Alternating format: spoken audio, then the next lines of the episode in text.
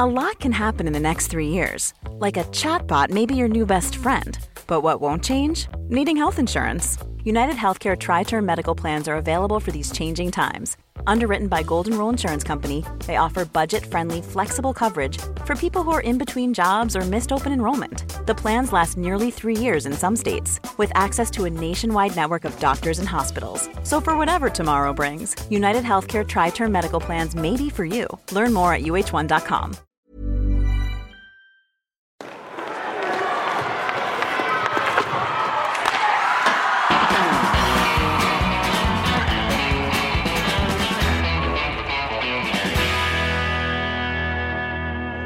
Jag tänkte jag skulle sticka emellan med lite snabbfrågor här bara. Mm. Ehm,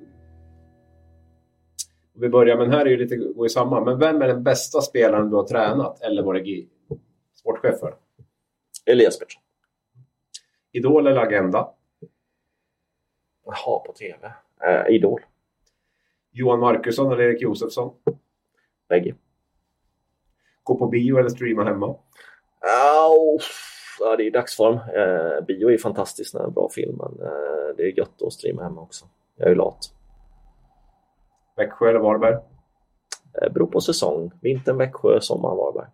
Kött eller fisk? Eh, det är ju så enkelt, det är kött. Öl eller vin? Eh, både och. Det är också lite säsong. Eh, men men jag är, efter åren i Frankrike så är jag, gillar jag vin. Helt klart.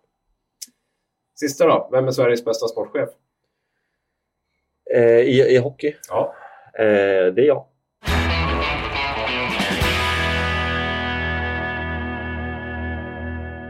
Om jag, jag har läst på rätt här så har du sparkat en tränare under de här 15 åren som du har varit sportchef i Växjö. Mm. Det var Janne Karlsson Mm. 2012. Eh, Fredrik Hellgren har varit assisterande tränare under egentligen hela din GM-tid, eller sportchefstid. Eh, Utom ett år. ja, Han kom bort. han kom år två. Mm. Just det. det här med att sparka tränare. Vad känner du runt det? Alltså, det, att sparka någon så måste du ju ha ett, ett konkret syfte. Jag är inte så mycket ute för symbolhandlingen att göra det. Som jag tror att det är det det handlar om i de allra, allra flesta fall. Alltså, för det är inte det det handlar om. Det, det är ju det är ett primitivt och föråldrat sätt att se på eh, möjliga lösningar på ett problem. Eh, och I Jannes fall så får man komma ihåg att han hade gjort nästan sex säsonger. Eh, han började på sin sjätte. Och, och eh, vi hade gått från att vara en, en liten klubb till att börja bli en riktigt stor klubb med, med helt andra förväntningar på oss, helt andra eh, vi efterfrågade helt andra saker. Helt plötsligt så hette killarna Tommy Kalli och Martin Gerber, de var vana någonting helt annat. Inte så att det var de två som låg bakom det på något vis. Det var, det var, det var jag till 100 procent. Men, men eh, eh vi, var på, vi, vi- hade så att säga vuxit ifrån varandra. Eh, Janne var inte i slutet på sin tränarkarriär för han är fortfarande tränare, han var en J20-tränare. Men, men han hade ju hållit på väldigt länge. Och han hade ju, det hade ju gått bra, han är en grym tränare. Eh, han vill nog helst, innerst inne vill han nog utomlands. Eh, han hade ett år kvar på kontraktet och det har varit lite snack om att, komma ur det tidigare och jag hade vägrat. Ja, lite sådär. Inget ont blod, inte på något vis, men han hade inte riktigt eh, just huvudet i det att utvecklas tillsammans med oss. Både vad det gäller att plocka på sig användningen av eh, avancerad statistik, video, allt det här som var på väg att slå sig in. Och, och som sagt, vi har alltid varit bland de första med, med det senaste och velat ligga där och, och, och eh, spelarna förväntade sig också det. Och, eh, vi jobbade inte riktigt så. Eh, så vi växte ifrån varandra där och då. Och då fanns det ett syfte. Det var inte för att skaka om någon, det var för att vi jobbade inte på rätt sätt. Och Sab Hallam hade ju kommit in som assisterande tränare den hösten där. Var tanken att han skulle ta över säsongen efter? Var det så ni hade liksom, Ja. var så du hade tänkt? Ja. Mm. Och nu satte ni igång det lite tidigare. Yes, precis så var det. Ni hade ju två eh, Växjömått mätt väldigt svaga säsonger när det blev sjua respektive tia i serien. Jag vet att ni gjorde en extremt noggrann utvärdering inför, eller efter förra säsongen. Då, kom tillbaka och vann guld. Ni vände på varenda sten egentligen. Det enda ni inte gjorde var att sparka någon ledare. Mm. Eh, det säger ganska mycket om hur ni, hur ni jobbar, eller? Ja, Så. ja. Eh, jag tyckte inte att på personnivå så var det inte fel på någon. Eh, utan det var, det var kollektivt. Vi, vi hade vi drog alla vårt strå till stacken till eh, att inte vara så högeffektiva som vi oftast har varit i den här organisationen. Vi började ta saker och ting för givet. Det kom de där liksom, kommentarerna. Ja, ja, vi har koll på det. Så här har vi alltid gjort. Och, eh, började slarva lite här och ja, tog saker för givet. Det kanske det, den, vi, vi, vi var inte där och ville utvecklas varje dag, göra det bättre, eh, ifrågasätta oss själva. Eh, så som man måste ifrågasätta sig själv. Så att man kan väl säga att det där arbetet vi gjorde var att vi alla de ifrågasättandena som vi inte hade gjort under två år, vi samlade ihop dem och så ifrågasatte vi varandra så in i helvete under ett par dagar. Mm. Eh, och kom fram till att det ligger nog någonting i det här. Hur ser du då på den här smått hysteriska sparkningskulturen som man kan säga råder bland vissa klubbar i, i SHL? det är väl att slå in en öppen dörr att det, det fungerar inte och det är ju väldigt ineffektivt och det, det, det är väl ingen som vinner på det. Men det finns ju många som säger att en, en tränare hit eller dit spelar ingen roll, bara man kan vända trenden och, och, och, och liksom... Det har de ju helt rätt i om det nu är det som sker, men ofta är det ju inte det som sker utan du får ju ett snabbt uppjuck och sen så, sen så är du tillbaka igen. Men sen kan man heller inte säga att det aldrig är, är befogat att, att sparka en tränare. Men Vi har ju som sagt var gjort det en gång och jag tycker att det var rätt beslut och det tycker jag fortfarande. Ehm, och, och det kan säkert finnas beslut där ute som, som, är, som är korrekta. Ehm, så det är svårt att säga generellt.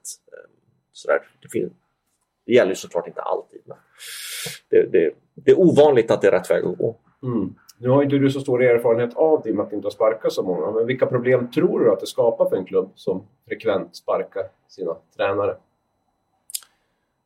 Men att, att, att bli bättre och att bli bäst, det handlar ju om att utvecklas under väldigt lång tid.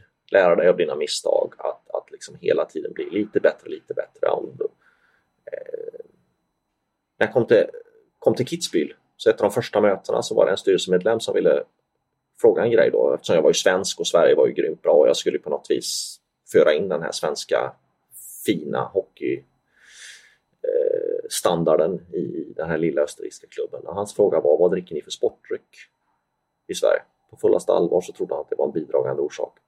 Jag kan inte svara på den frågan, men, men det, alltså, lite raljant så är det ju det är inte det det handlar om. Utan det handlar ju om att, att, att knugga varje dag, utvärdera dig själv, eh, gör det lite bättre, inte vara rädd för att säga att det vi gjorde igår var inte bra. Eh, det, det, det ska vi nog utvärdera om vi ska fortsätta med. Och så tar man sig framåt. Och då är det ganska viktigt att det är samma människor som får kvar att göra det. Eh, därför att annars börjar du på något vis om. Eh, och så kanske du inte alla de där ja, landvinningarna som du har gjort fram tills dess, då är de borta och så får du börja om allting. Mm. Så det är väl det som är det största problemet. Du har sagt i en intervju att alla kan komma med bra idéer då och då. Men genomförandet av idéerna är det viktiga. Det ligger i karaktären och personligheten. Ja, det är väl helt sant.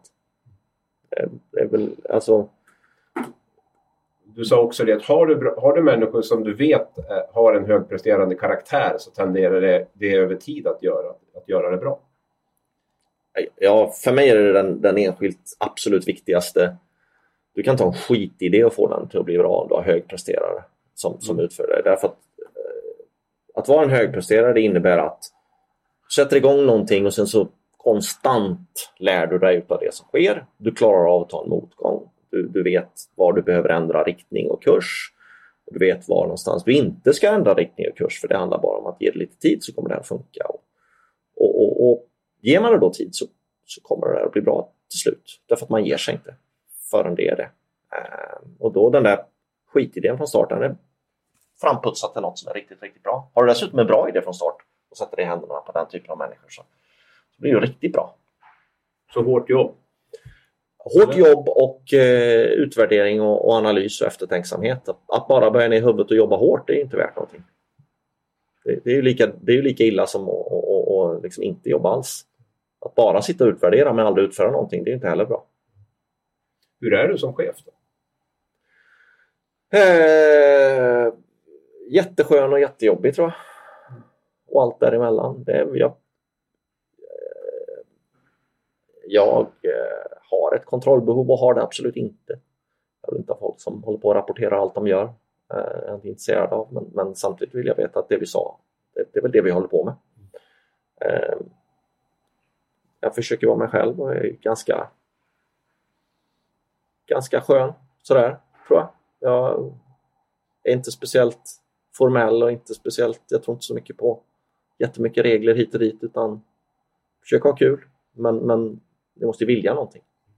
Du, den här mixen mellan att vara avslappnad och också bestämd och... Eh... Ja, ja, ja, återigen, det är väl en version av det här svartvita igen. Att jag, just nu är det inte så viktigt för mig att vara påkopplad, då kan vi ha kul. Vad, är skillnaden med att jobba med spelare idag kontra för 15 år sedan när du började i, i Växjö? Jag tänker framförallt kanske på yngre spelare. Ja, det där är ju, ju debatterat under... Eh, så det är väl, det är väl ganska klarlagt att det är rätt så stor skillnad. Det, det börjar ju egentligen i, i, i väldigt ung ålder idag. idag. Idag verkar ju motgångar vara någonting som är fruktansvärt. Eh, alltså har någon en motgång, då jävla gäller det att höra av sig till alla och försöka hitta, alltså det får inte ske igen. Eh, har någon blivit ledsen, ja då det måste också omedelbart, eh, det är barnkonventioner hit och barnkonventioner dit. Och jag, jag sitter inte här och är old school och säger att eh, ja, en smäll har aldrig skadat någon. herregud. Men väldigt mycket av det här att bli högpresterande oavsett om det är inom sport eller vad det är. Att prestera överhuvudtaget, det handlar om att kunna ta en motgång, lära dig utav den, inte bli förkrossad utan du går vidare. Eh, sen kan man inte generalisera, det finns motgångar som är motgångar som man måste ta upp och, och stötta och trösta och såklart. Men det som beskrivs som motgångar idag, det kan ju vara att man inte fick spela i en match. Om du visste hur många, ja det vet du förmodligen, hur, hur många föräldrar som hör av sig när, när en kille inte fått spela i en match. Alltså det, det är bisarrt. Till dig eller? Alltså, som tur var så har, kan jag ju gömma mig bakom att jag bara har hand om A-laget så jag kan inte mm. säga någonting om det men, men till alla våra andra ansvariga, ungdomsansvariga, junioransvariga och så vidare. Eh, det är bisarrt och de inser inte vilken otjänst de gör sina barn. Det, det är liksom de här barnen lär sig ingenting om hur livet fungerar överhuvudtaget. Livet handlar ju om att överkomma motgångar. Om man tror att allt ska gå på räls, men då är man ju så snett ute så det finns inte. Det kommer ju aldrig vara så. Eh, det är ju det är jobbet som inte blev som du hade tänkt, dig, chefen som inte var precis vad du hade trott. Eh, Eh, någon annan som fick den där positionen före dig, ska du, ska du byta då eller ska du bita ihop och se till att det, nästa position får jag och så vidare då. Men, men det tycker du har blivit en, en markant förändring på? Ja, herregud, ja. herregud. Det är ju liksom... Och det är ännu värre om vi ska prata samhället i stort. De som inte idrottar, de som idrottar får ju i alla fall med sig lite av det här. Mm. Det är ju svårt att idrotta. Jag menar, man har, man har slutat räkna mål och sånt här. Det, det är ju det är också ja, det är ju en egen diskussion. Men, men där det på något vis blir fult att någon förlorar. Men annars, du kan inte idrotta utan en viss, ett visst mått av vad ska vi säga, besvikelse och utslagning. Alla kan inte vinna en match. Eh, alla kan inte platsa hela tiden. Och, och, och i, idag så toppas det ju ingenting i princip upp till 15-16 års ålder. Alltså någonstans så måste det börja att man faktiskt gör allt för att vinna. Eh, och, eh, men när ska det komma in från ledarhåll menar du att man ska göra allt för att vinna? För att det är en sak att man får barnen, om vi pratar om dem nu, och tävla på isen. Men, men, men när ska liksom ledarna ta till alla sina verktyg för att det blir, ska vara viktigt att vinna då med, med, med toppningar och, och allt? Jag skulle nog säga att man, jag, jag, tycker man har hittat fram till ett rätt så bra system idag. Eh, jag, jag förespråkar inte att det ska ske liksom i 8-10 års åldern som det var förr. Eh, det där var bara för de vuxna. Det är väl ganska bra som det är nu att i de flesta klubbar så är det i, i U16 det börjar på, på allvar. Mm. Eh, och sen så finns det säkert en hel del exempel där det fläckvis missköts. Men, men på det stora hela så tror jag att man sköter det ganska bra. Men det, det räcker ju inte för dagens föräldrar. Utan eh,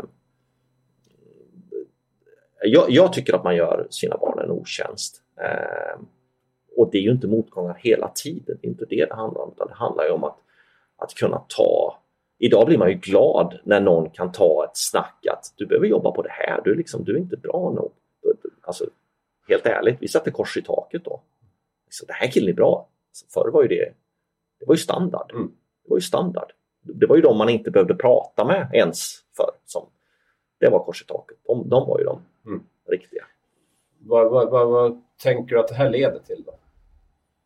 Är det ett svenskt fenomen till att börja med? Nej, det tror jag inte. Jag hör samma sak från, från även nordamerikaner och sånt som man pratar med. Men jag, jag är inte kapabel att bedöma hur det är i de andra för det vet jag ingenting om. Men, men eh, det är ett väldigt svenskt eh, all, alla ska ha det bra. Och det är väl en eh, grundtes som man inte kan säga emot. Men, men det är fortfarande så att du måste ju du måste ju, du måste ju lära dig att det kommer inte vara solsken varje dag. Och du måste ju ta dig igenom det. Du, du kan ju inte bli förkrossad över det. Och ibland är det ditt fel. Det är bara så. Ehm, och då får man lära sig något av det. Under tiden så stöttar vi och, och, och, och hjälper till. Men som sagt, det, det räcker inte för de allra, allra flesta. Ehm, utan det, det, är på något vis givet att alla ska ha samma chans. Du får den chansen du förtjänar. Det har ju varit en het debatt här i Växjö nu under veckan här bland annat med att man tycker att utslagningen till ert U16-lag då är för, för, för stor. De tycker att ni ska ha ett breddlag också, kunna ta hand om 40 spelare istället för 20 spelare i, i grova drag räknat där. Och, ser du på den diskussionen då? Nej, men det, alltså, det är ju inte... Det är väl ett ganska tydligt tecken på precis det jag pratar om. Man, man man, eh, man drar allting alldeles för långt. Eh, och, de här diskussionerna kommer upp med, med jämna mellanrum hela tiden. Vi har en sanslöst bra ungdomsverksamhet som bedrivs på ett så bra sätt. Kanske mycket för att för 5, 6, 7 år sedan så var det inte så. Vi har gjort ett otroligt arbete just eh, till att ha en ja, så populärt värdegrunder och, och sådär som vi faktiskt kan och ska stå för. Eh, men det spelar ingen roll för den som, den som utsätts för en utslagning kommer ju känna att det här är ju piss alltså. alltså det, gjorde väl, det gjorde man väl på 70-talet också och på alla andra tal. Eh, det är väl ingen som har tyckt att det, att det är kul att inte komma med ett lag eller att förlora en match. Men du lär dig någonting av det. Det kommer någonting annat ur det. Du går till en annan klubb och får nya kompisar. Du spelar, spelar där istället. Eller du kommer på att hockey var inte för mig. Jag ska hålla på med det här. Och kanaliserar du dit. Alla de här människorna gömmer sig ofta bakom att eh, åh, det går inte att se vem som kommer bli bra. Du vet, ni vet inte vad ni har gjort precis. Det kan lika gärna vara de här fyra killarna eller tjejerna som, som är de som kommer bli bra. Det är bullshit. Så, så är det inte alls. Jag, kan, jag, kan, jag, jag tävlar mot vem som helst, när som helst, att jag kan se det. Det, det där är ingen hemlighet. Vilka som blir bra eller inte bra? Ja, absolut. Och när då? De, de, de du inte kan se kanske, det är ju om vi, om vi, om vi tar någon form av lagrankning. Då. Du är 20 pers i ett lag och så har du någon som är, är rankad eh, 1, 2, 3 mot någon som är rankad 5, 6, 7. Ja, bland dem är det inte helt säkert vem det är som verkligen blir bra. Men det är inte 1, 2, 3 mot dem som är 23, 24, 25, 26. Och från vilken ålder menar du att man kan se det där? Ja, eh, oftast så kan du definitivt se det tidigare än 15-16 men, men, definitivt då. Sen eh, ibland så får man lägga med om de är tidiga eller sena in i puberteten och det är precis som att folk tror att det gör inte vi. Det är klart vi gör det. Vi kan det där mycket bättre än vad den genomsnittliga föräldern kan. Vi jobbar med detta. Eh.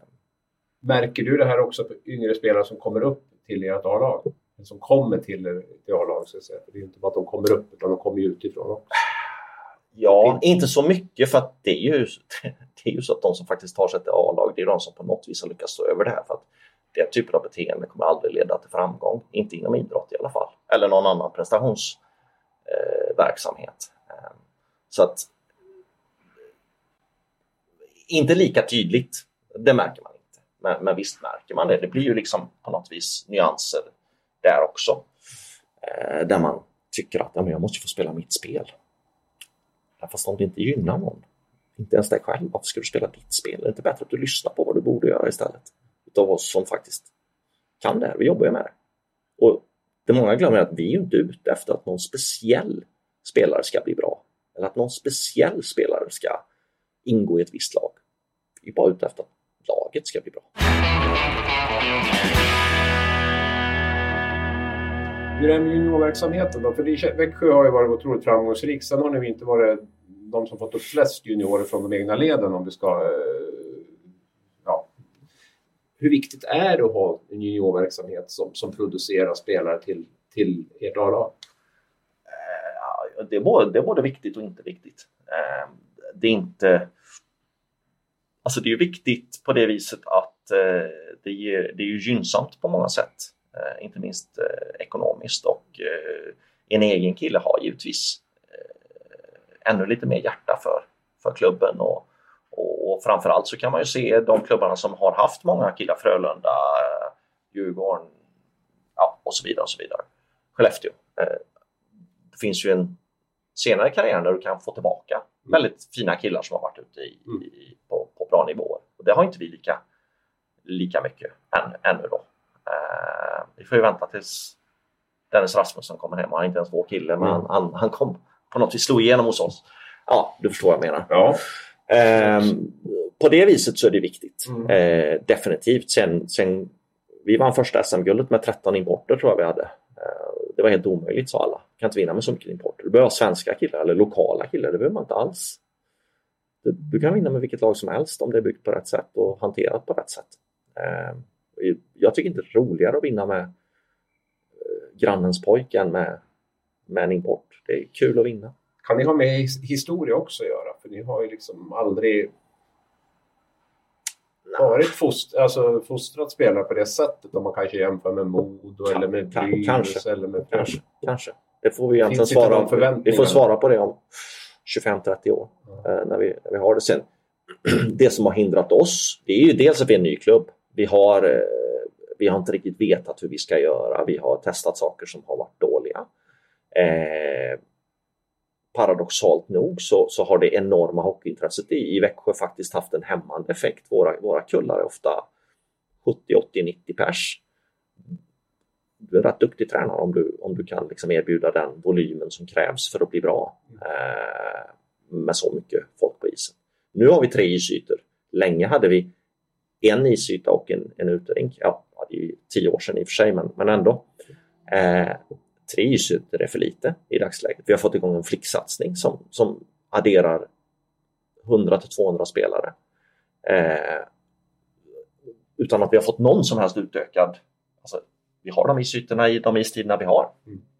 Tjejerna ska såklart ha samma förutsättningar att lira som, som, som grabbarna. Eh, så det begränsar allt det här. Eh, och, och hur roligt det än är med så många som lirar så, så gör det det lite svårare. Vi ser ju att ofta kan vi ta en kille från en småklubb för där har han spelat med tre olika lag. Och, ja, liksom, det är svårt att kombinera bredd med spets. På det viset, ja. Det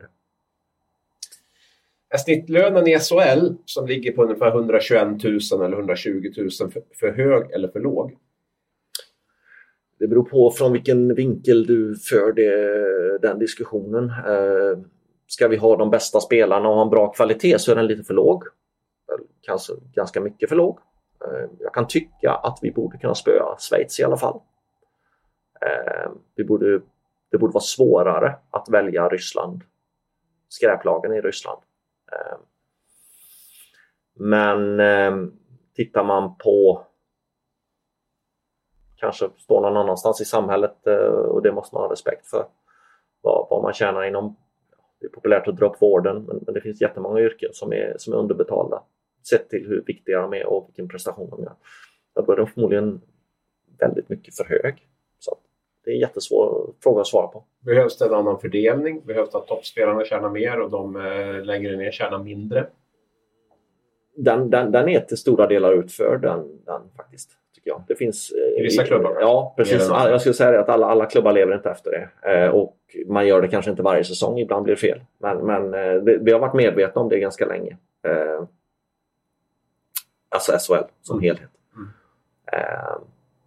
Så att, ja. Tittar man på de två finallagen från i våras så hade de ganska billiga tredje och fjärde kedjor. Billiga inom citationstecken i alla fall. Så där. Eh, Ja, ja, eller i alla fall billiga spelare. Som sagt var, Jack Brewer spelade rätt högt upp i, Ja. i hierarkin men Ja. var, var väldigt billig. Så att, eh, Era, era bästa kedja med Holmberg, Karlström och Sylvo, eller bästa ska jag inte säga, men den var väldigt framträdande i slutspelet. Ja, ja, där var den. Vad var snittlönen där? ja, den var väl eh, någonstans mellan 50 och 70. Den är du nöjd med? Ja, jättenöjd.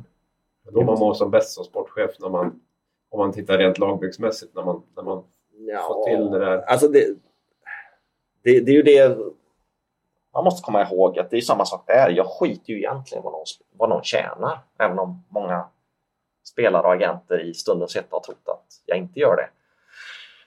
Eh, jag ska ju få ihop hela truppen. Eh, det är inte bara en enskild lön. Så jag, jag är ju inte överlycklig för att jag lyckas signa eh, Fredrik Karlström jättebilligt om jag nu lyckas med det. Eh, utan det är ju det är när jag får ihop hela pusslet som är Mm. viktigt. Men är det inte en väldigt bra start om man Ja, det är klart. eh, Ja, det är ju, ja, men du, må, du måste göra ett antal bra Mm. affärer varje år. Det är, Mm. det är ju jättemycket affärsmannaskap i att bygga ett lag. För om du har du ingen koll på det där och börjar bränna av alldeles för tidigt så, så har du inget handlingsutrymme och då blir det, då blir det bara fel eh, i slutändan. Jag gick in på taxeringen där för 2019. Då taxerade du 5,8 miljoner, 150 000 i månaden. Nu var väl under den perioden du var VD kan jag tänka mig också. Eh, Tjänar sportchefer i SHL för lite? Det gör de definitivt. Eh, de har ju, de har ju högsta ansvaret. De har högst påverkansgrad. Eh, väldigt ofta tjänar de som en fjärde femma kille. Eh, och det är ju egentligen helt orimligt. Eh, det, det, jag vet inte vilken bransch där, där högsta chefen har bland de sämre. Eh, det är oerhört konstigt. Eh, det gäller samma sak för tränare egentligen. Det, det, det är alldeles för dåligt betalt. Med det sagt så, så, så är det ju inte dåligt betalt. Absolut inte. Och eh, jag tycker inte jag tillhör en av dem eh, som, som har dåligt betalt, men det finns många som har det. Och just det där året så, så var jag ju VD och hade två jobb. Så. Ja, precis. Så det motsvarar inte riktigt det- man tjänar som sportchef i, i SHL. Eh, nej, det, det skulle jag nog inte säga. Det var dessutom ett år där vi, vi vann. Jag har en ganska stor del som är prestationsbaserad så att, eh, det var ett väldigt gynnsamt år eh, ekonomiskt. Det är inte säkert att varje år är så. Normally, being a little extra might be a bit much, but not when it comes to healthcare. That's why United Healthcare's Health Protector Guard fixed indemnity insurance plans, underwritten by Golden Rule Insurance Company, supplement your primary plan so you manage out of pocket costs. Learn more at uh1.com.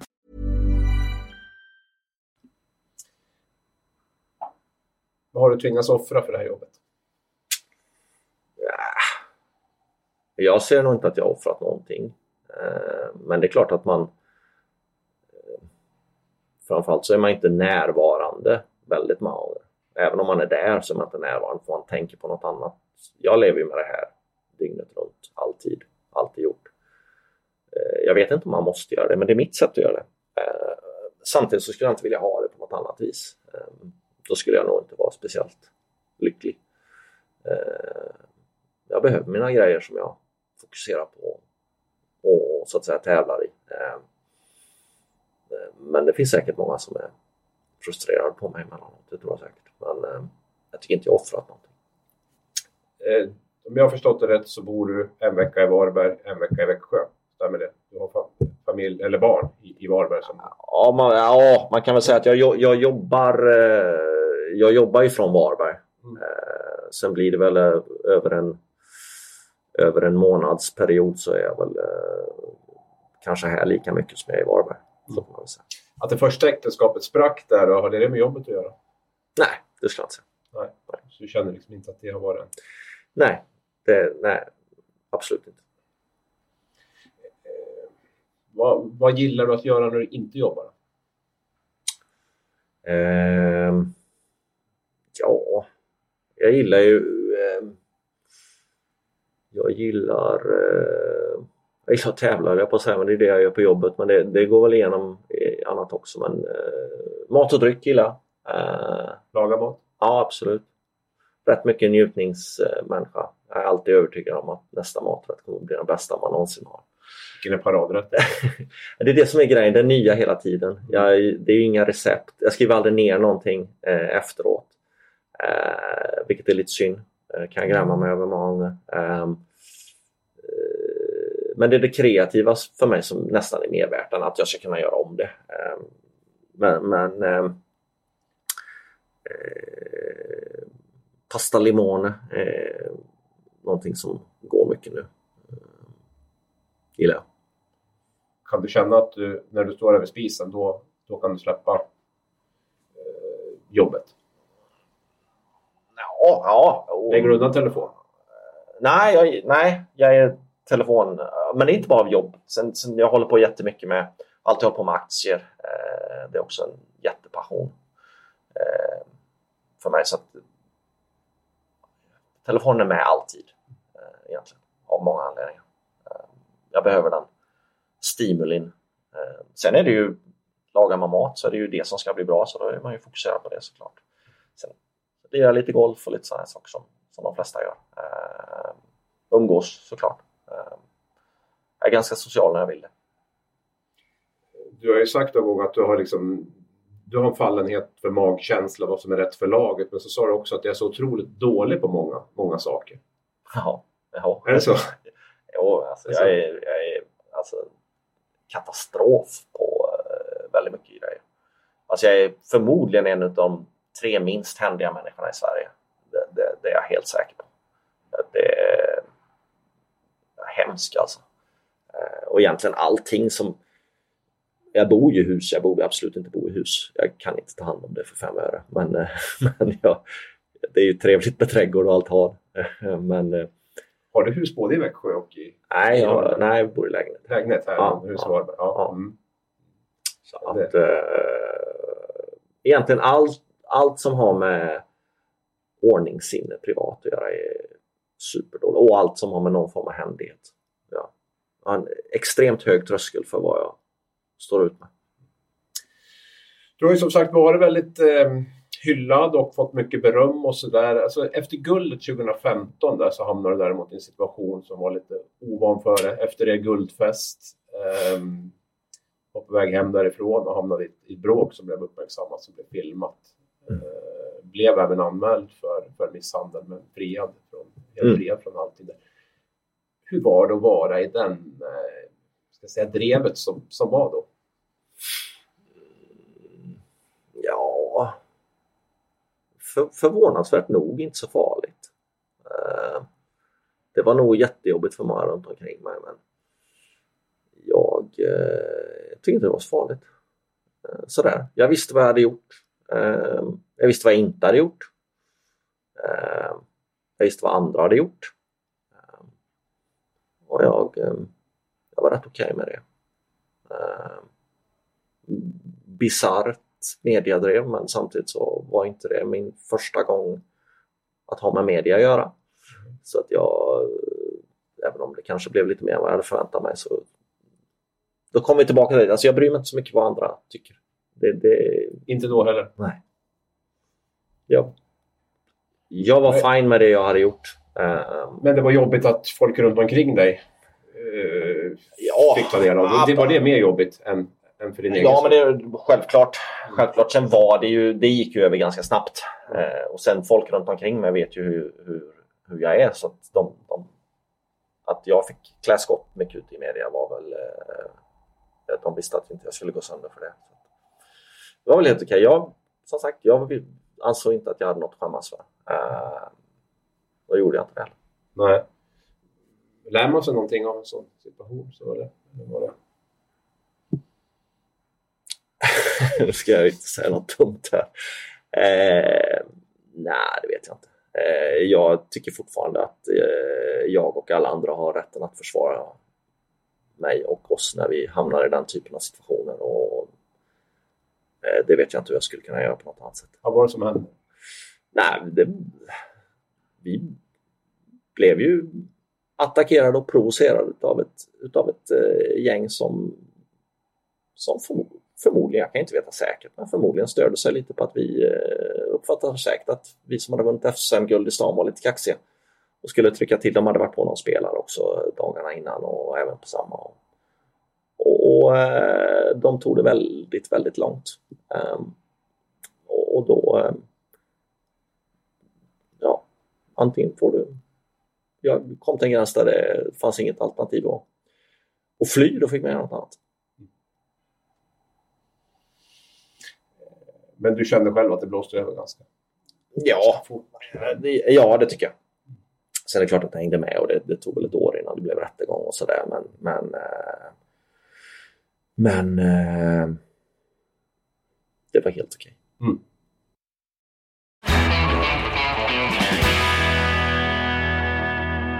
Vad, vad säger du med, med Växjö då? Vad, vad är nästa steg där? Eh, att, att fortsätta utvecklas. Eh, som sagt var, de här två, två åren eh, som, som fick oss att ta ett nytag har ju har gett jättemycket energi. Ehm, vi ska följa upp året efter ett guld. Det har vi hittills inte hanterat speciellt bra. Eh, ska vi försöka hantera bättre. Ehm, vi ehm, historiskt inte ett jättestarkt special teams-lag. Där jobbade vi jättemycket och blev mycket, mycket bättre förra året. Jag vill att vi ska bli det bästa special teams-laget du kan hitta. Det kommer nästan helt säkert komma en tid efter Sam Hallam. Det är väl en av de största utmaningarna att hantera det och det ska ju bli otroligt kul att sätta tänderna i den utmaningen. Och, eh, så det finns mängder med grejer. Tror du att han är hans sista säsong i Växjö? Eh, det tycker jag han ska svara på själv. Men, men jag måste utgå ifrån att det, det eh, finns en stor risk att det är så. Kontraktet går ut? Kontraktet går ut och har varit tio år i en klubb så jag vet inte. Det, det, han får svara på det. Men, men jag måste utgå från att det finns en risk att det är så. Hur har er kontakt varit så när det gäller den biten? Eh, flaggat för att du kan börja titta? alltså om vi säger så här, när vi skrev femårsavtalet så sa, sa vi båda två att det här är det sista. Eh, jag vet inte om han har ändrat sig under tiden. Vi får väl ta det under hösten. Men, eh, det, det, tio år. Tio år är långt och jag, jag förstår om man vill göra någonting annat. Jag, jag skulle... Jag skulle ja, absolut. Mm. Jag skulle gärna fortsätta tio år till med Sam. Eh, men jag tror att han vill göra någonting annat och jag har så full förståelse för det. Har du en lista? På tänkbara uh, efterträdare? Ja, men vore längre. Mm. det är svårt. Det är svårt. Speciellt, och eh, jag ska inte säga att det bara finns dåliga tränare. Det, det, det är inte därför såklart, men några upptagna. Um, det ska passa oss. Um, du måste stå för det vi står för. Vi är inte intresserade av att vända på på, på grejerna och göra någonting helt annat. Um, och, och, då faller ytterligare någon bort. Ska ha en speciell personlighet. Alltså jag skulle inte kunna tänka mig att ha en tränare som jag inte trivs med att umgås med. Eh, aldrig i livet. Så. Hur, lång, hur många namn är det på listan? Eh, det är ett i dagsläget. Det är ett i dagsläget. du har en huvudkandidat. ja, det är en på bildlistan. En på bildlistan? Ja. ja. Precis. Är han intresserad? Det vet jag inte. Har inte frågan än? Nej. Nej. Hur ser din framtid ut? Jag är fastanställd. Så att jag eh, kan... Eh, sluta när som helst? Jag kan sluta imorgon eller eh, aldrig. Lockar det att göra något annat? I, inte inom hockey. Eh, det gör det inte. Det, det, jag, jag har det jag vill ha. Eh, jag började ju karriären med utlandsäventyr så jag vet ganska väl, även om franska ligan går inte att riktigt eh, jämföra såklart med, med eh, kanske någon av toppligorna. Men på sätt och vis, det är inte så stor skillnad. Eh, det är ju att leva i ett annat land som är den stora grejen. Mm. Och det har jag gjort och det var på många sätt skitroligt. Men jag behöver inte, jag behöver inte ut och jobba med hockey igen för att, för att så att säga uppnå det. För jag vet vad det är. Så nej, det lockar inte. Inte KL? Nej. Inte NHL? Jo, visst. Om, om, om jag fick eh, chansen att styra en NHL-klubb från en general manager-position så skulle jag absolut förmodligen göra allt för att, för att det skulle gå i lås. Just för att har man ändå haft en hockeykarriär och har den möjligheten så tycker jag att man ska ta den. Nu tror inte jag att jag kommer få det eftersom det, det, det finns ingen mer politisk apparat än NHL. Eh, och jag har inte varit delaktig i den överhuvudtaget. Eh, du behöver göra så många saker för att liksom ta dig dit. Du går liksom inte bara in och får ett jobb hit, hit eller dit. Och det är viktigt för dig att få bestämma? Ja, det skulle jag vilja säga. Mm. Eh, att, att, att, att finnas med i, i, periferin eh, som du ofta behöver göra under ett antal år och på sätt och vis förståeligt kanske men, men NHL är inte direkt känt för sin, sin jakt efter nytt blod så kan vi säga. Det är inte lätt att komma högst upp direkt heller? Nej, det är det inte. Schweiz? Eh, jag kan åka till Schweiz på semester om jag vill det här. Så att, eh, nej, det, det, ser jag inte varför det skulle vara kul. Det är här du vill vara om du ska jobba med ishockey i Växjö? Ja, så ser jag nog det. Är det också mycket för att du har liksom byggt upp det på det sättet? Du har, du har full kontroll eller vad ska jag säga, du, du, du har den beslutande rätten, du har... Eh, så... Ja... Det är en trygghetsgrej på något sätt. Ja, ja på sätt och vis. Men det, det... Skulle det gå slentrian i det så, så skulle jag kanske inte känna, men skulle jag göra någonting annat så skulle jag alltså göra något annat än hockey. Eh, jag, jag är som sagt otroligt affärsorienterad och eh, gör lite sådana saker också. Jag är delaktig i lite projekt lite här och där och, och det ger mig mer än att jag skulle åka till Schweiz och ta ett jobb för att tjäna lite mer pengar. Eh, så att, nej. Har du fått många erbjudanden genom åren? Jag tänker nu hockeymässigt framför allt, om vi börjar där. Jag skulle nog säga att jag har fått betydligt färre än vad folk tror att jag har fått. Men eh, ja, det är klart att jag har fått lite erbjudanden. Eh, men i regel har det inte gått eh, så långt. Jag, har varit på en intervju. ever. Men oftast för att jag inte har velat åka på någon. Med en annan klubb? Ja. ja. ja.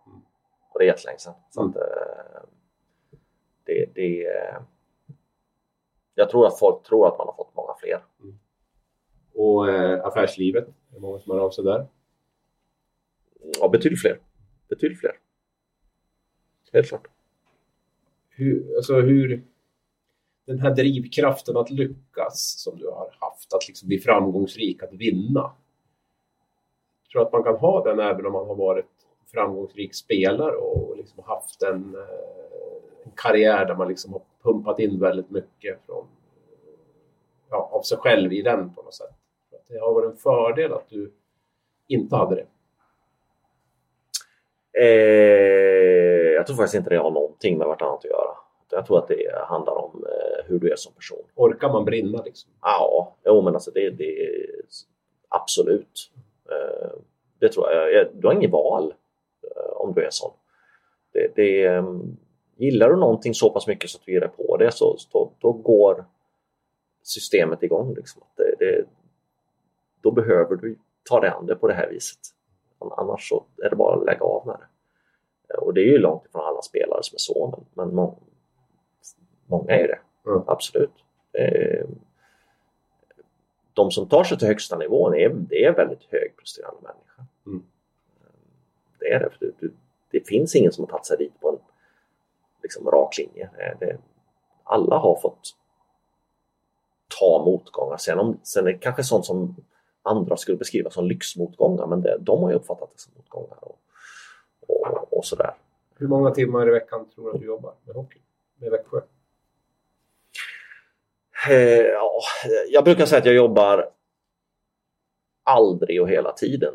Eh, jag gör inte speciellt många dagar som, som, som skulle beskrivas som fulla kontorsdagar. Liksom.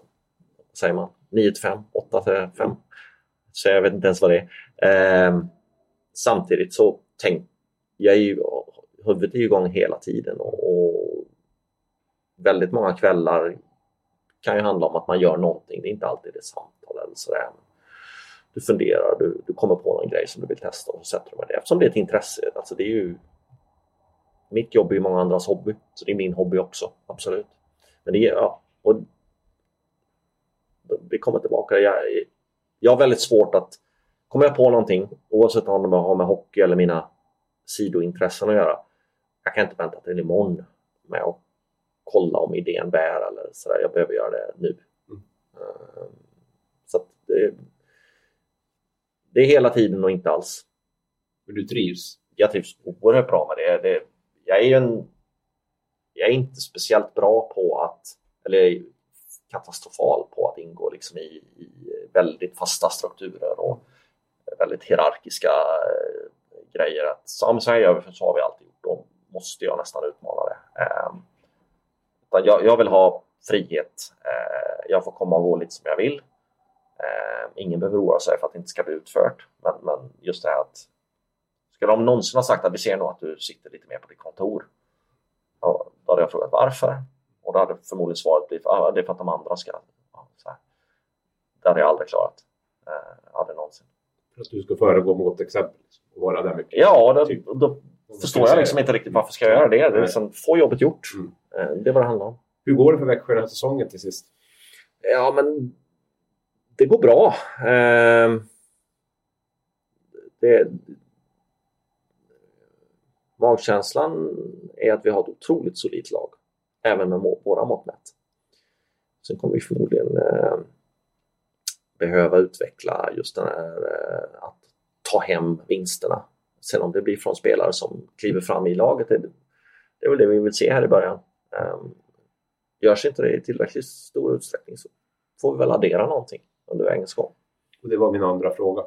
Hur många spelare tror du att du kommer att addera under resans gång? Jag har aldrig haft en säsong, säsong där vi inte adderat någonting. Så att, eh, det vore väl konstigt om detta skulle bli den första. Men vad det blir, det har jag ingen aning. Hur är det den här lönebudgeten egentligen? Du hävdar att ni har gått ner till från 48 till 38 miljoner, ja. 20 procent. Ja, vi, vi, har kunnat lägga på lite till men vi är långt ifrån att vara tillbaka. Ja, men det är lite över 38 i alla fall. Mm. Mm. Och du har lite grann kvar? Mm. Absolut. Vi har ett ganska eh, billigt lag just nu. Eh, men det är, det är riktigt intressant så att jag vill se vart det tar vägen innan mm. vi gör någonting. Vilket lag vinner SM-guld? Eh, ja, det vore ju oerhört underligt att eh, så att säga inte tro att vi har chansen att göra det. Eh, det, det, har vi såklart. Eh, men vi har inte spelat en enda grundserieomgång än eh, så det är rätt svårt att, gissa vem som vinner SM-guldet. Den som vinner grundserien, det, ja, det är öppnare än vad det har varit på många år tycker jag. Kanske man alltid säger vid den här tiden men Luleå, Färjestad, Frölunda ser brutalt starka ut. Alla har väl någon liten skavank kanske som man måste överkomma. Eh, vi är solida. Kommer de inte över sina skavanker så kommer vi gå förbi dem på stabilitet. Eh, men det är jättesvårt. jättesvårt. Har ni inga skavanker i det? Ja, skavanken är väl kanske just att jag vet inte om vi är tillräckligt bra på att faktiskt vinna matcherna. Vi kommer alltid vara svåra att slå. Vi har ett ruggigt tvåvägslag alltså. Ruggigt bra här. Eh, men tror jag, ska jag sägas. Jag vet inte heller. Jag har inte spelat en enda match än. Så att, eh, om någon nu vill säga i november satt han och sa ingen koll på någonting. Nej, men så är det. Eh, I, i eh, att göra den typen av förutspåelser, det, det, är inte lika lätt som att tala om om någon kommer få en, en, en proffskarriär eller inte. Eh, men vi, vi, är, vi är solida. Det är, det är den typen av spelare som vi vill ha i Växjö. Det har vi extremt stor utsträckning. Nästan mer än vi någon gång har haft. Som kan kontrollera spel och som kan kontrollera tempo. Ja, och som inte är ute efter att det är viktigare att de själva ska spela på ett visst sätt än att laget ska vinna eller att man inte riktigt vill underordna sig. Utan, eh, men också ha en skicklighetsnivå. Just att ha... Att, alltså det, det bästa är att få skickliga spelare att jobba hårt. Det är jävligt svårt att få hårt jobbande spelare, spelare att vara skickliga. Det går inte. I, ibland, nu är jag lite elak, men ibland kan man nästan få lite intrycket av att det skulle nästan vara tråkigt att spela med er för att ni är så förbannat noggranna. Uh, det känns nästan vetenskapligt på något sätt. Fast det, alltså det där är lite eh, överdrivet, så är det inte. Uh, så, noggrann, så, så noggranna är vi inte. Och vi, framförallt så ger vi, vi ger otroligt mycket frihet.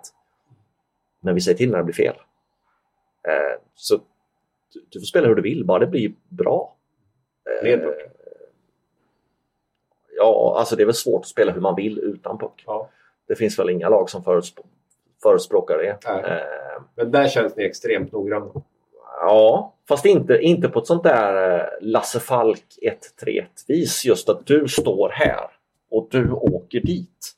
Utan det handlar ju mer om att göra bedömningar till situationer som du hamnar i. Jag menar, hamnar du i en situation där du ska täcka en passningsväg så det är ju rätt bra om du har koll på om någon är leftare eller rightare, var han har pucken vem man eventuellt vill passa. Ska han slå en pass rakt upp eller ska den vara diagonalt?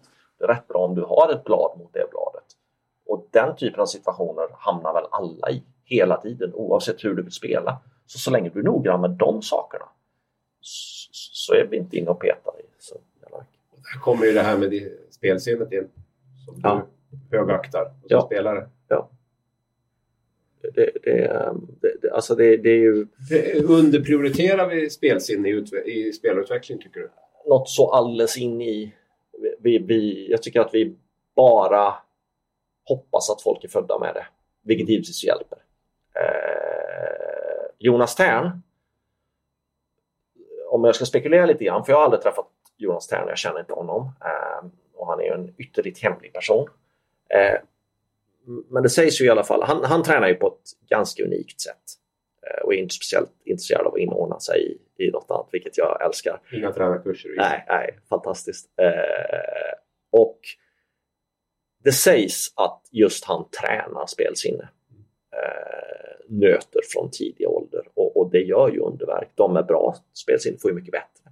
Du nöter ju in någon form av eh, eh varseblivning, någon form av eh, ryggmärgskänsla eh, som inte riktigt går att förklara. Men, men det, det, det vi har ju mest hållit på med långa dragningar och åka på ytterskär och hoppa över koner och grejer. Mm. Kanske viktigt det också, jag vet inte. Du säger vi? Ja, nu, nu var jag på Hockey-Sverige. Mm. Men äh, spelas inte jätteeftersatt att, att prioritera i träning. För att många tror jag är av den uppfattningen att det inte går att träna. Ehm, går det att träna efter viss ålder då? Det är säkert så att, det, att du har en fallande grad av effektivitet på det. Det, det tror jag säkert. Men att, att, att du inte skulle kunna förbättra det, det, det, det tror jag är helt felaktigt. Det, är ju som allt annat. Har du, har, du, har du svårt för någonting får du nöta in det. Har du lätt för någonting så krävs inte lika mycket. Men det är klart alla kan lära sig. Så kombinationen av ditt spelsinne och Fagervalls hårda jobb, är Växjö? Ja, faktiskt. Eh, det är länge sedan Jocke lämnade men, men eh, jag, jag, jag, skulle säga att jag hade inte lärt mig att uppskatta det hårda jobbet på det viset som jag gjorde då. Det har varit väldigt nyttigt. Eh, om det inte hade varit för Jocke. Det, så, såklart så. För det, det, var inte, det var inte därifrån jag kom. Um, jag extremt skicklighets och uh, spelsinnebaserad. För mycket förmodligen. Nu tror jag vi får ta och sluta. Mm. Jätteintressant. Del i dina tankar. Mm. Hoppas ni som lyssnar också har uh, fått med er någonting. Så får vi se fram emot en uh, lång och uh, häftig SHL-säsong mm. med ett uh, slutspel inte minst. Där jag räknar med att Växjö kommer att vara med. Det kommer. Långt. Tack så mycket. Tack.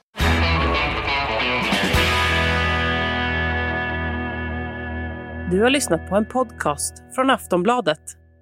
Ansvarig utgivare är Lena K Samuelsson.